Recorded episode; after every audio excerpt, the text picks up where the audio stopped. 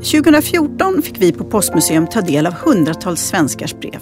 Det var inte vilka brev som helst. De var alla skrivna 1994 och de låg förvarade hos oss i 20 år för att skickas tillbaka år 2014.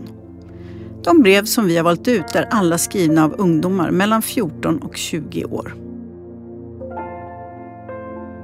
Jag heter Vivi Nybom och är utställningsproducent på Postmuseum.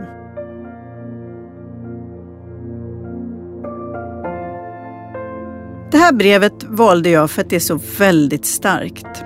Jag minns precis hur det kändes när jag läste Mias brev första gången. Jag blev alldeles kall. Så här hjärtskärande hemska kan tonåren också vara. –28 augusti 1994. Desperationen och ångesten väller inom mig. De mörka tankarna dominerar helt mitt liv. De svarta tankarna har bosatt sig i min själ. Utfryst, ignorerad. Orkar jag mycket längre?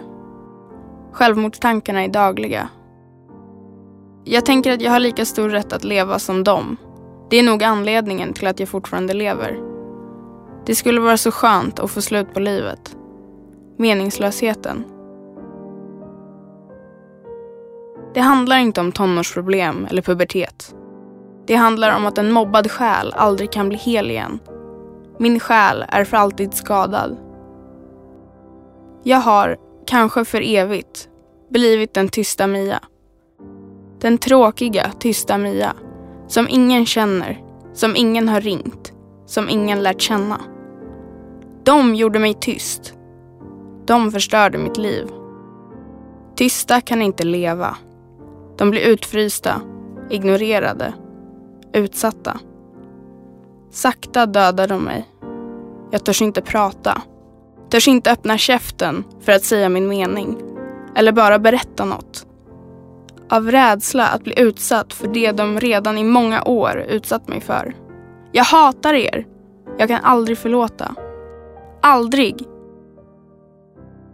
Men ni förstår väl inte hur djupt ni sårat mig? Hur illa ni gjort mig? Ni vill väl inte ens ha förlåtelse? Ni har väl inte ens dåligt samvete? Fast ni förstört en människas liv. Mobbning är ett vidrigt, oförlåtligt, accepterat brott. Jag hatar er. Jag lever inte en 17-årig tjejs liv. Jag lever i min egen fantasivärld framför tvn, kväll efter kväll, år efter år. Tårarna är slut för länge sen, trodde jag. Men igår kom de. Lever jag om 20 år? Mia S.